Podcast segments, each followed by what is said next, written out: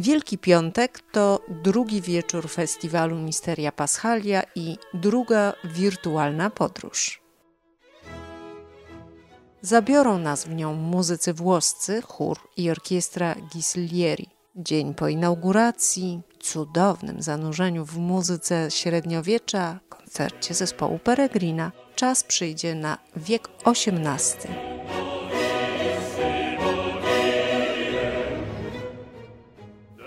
W takim właśnie repertuarze specjalizuje się zespół Giulia Prandiego.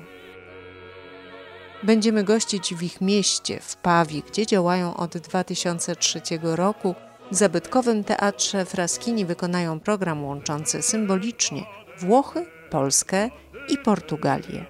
Ciekawy i piękny muzyczny trójkąt.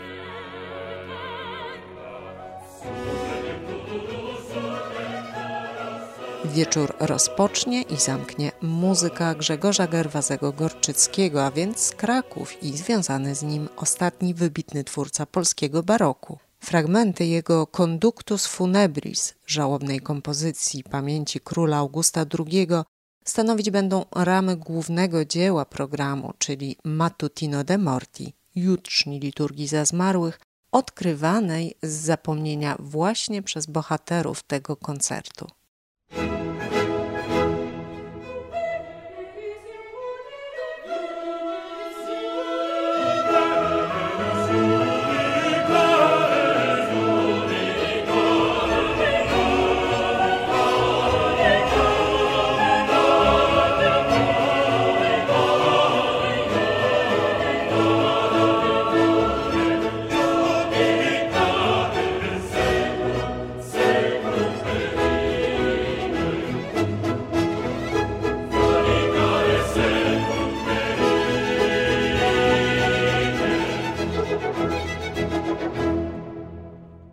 Giulio Prandi jest wielkim entuzjastą tej kompozycji, ale też postaci jej autora, kompletnie zapomnianego Dawida Pereca.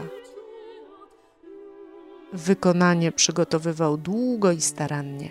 Opierał się na londyńskim wydaniu utworu, ale badał też inne edycje, porównywał je, a wybór był spory, bo to blisko 150 egzemplarzy.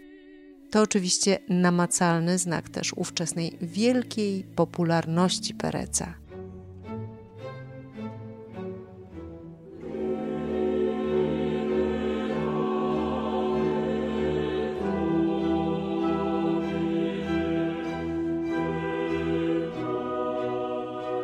Na liście osób zamawiających to londyńskie wydanie jego utworu byli m.in. Johann Christian Bach i Karl Friedrich Abel.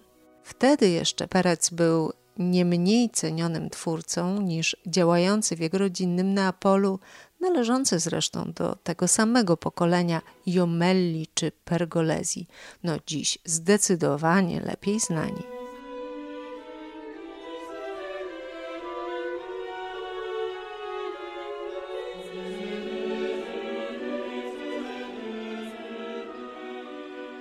W roku 1752 Perec miał już imponującą listę sukcesów na koncie. Jego opery wystawiano w Neapolu, Rzymie, Florencji, Wenecji i Wiedniu. I wówczas otrzymał propozycję pracy na dworze królewskim w Portugalii. Wyjechał do Lizbony, tam spędził resztę życia, czyli 26 lat. Początkowo kontynuował sprawdzoną już drogę, pisał właśnie opery dla teatru, którego działalność inaugurował w Lizbonie. To był niestety w jego portugalskim życiu zaledwie epizod.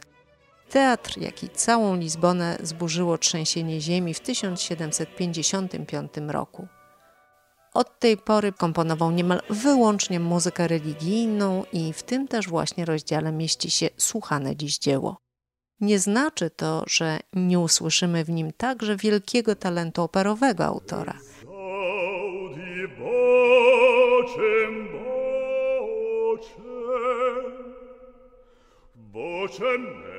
To religijny teatr muzyczny, operowy popis. Tego nam na pewno nie zabraknie. Słyszą zresztą Państwo cały czas fragmenty, którym nie sposób się oprzeć. Muzyka niezwykłej urody, bardzo też atrakcyjna. Znamy okoliczności prapremiery tego pierwszego wykonania Matutino de Morti. Rok 1770, czas dorocznej pielgrzymki króla jego dworu do sanktuarium maryjnego zbudowanego na wysokim, wznoszącym się ponad oceanem klifie. Bardzo malownicze to okoliczności przyrody. Przylądek Cabo Spiciel. Liczący blisko 40 osób zespół muzyków ustawiono w kręgu wokół o połowę mniejszej grupy słuchających ich pielgrzymów. To był król i jego świta.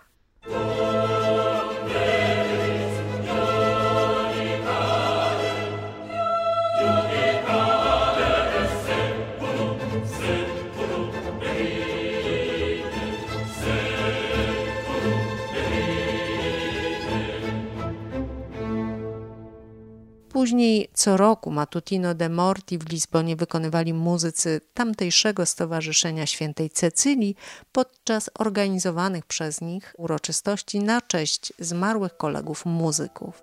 I działo się tak aż do początku XX wieku.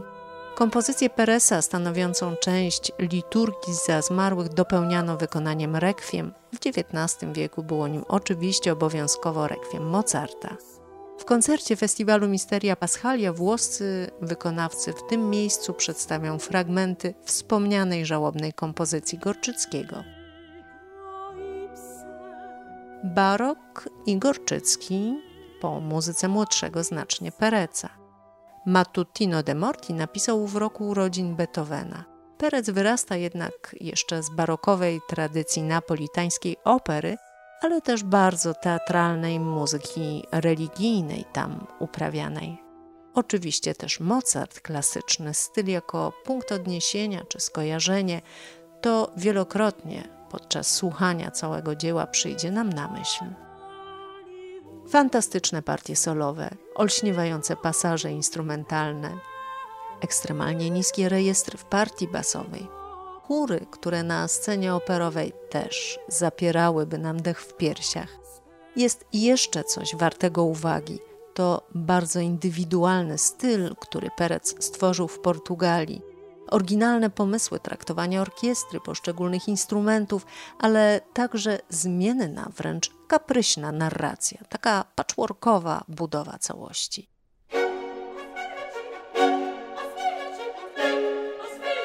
Co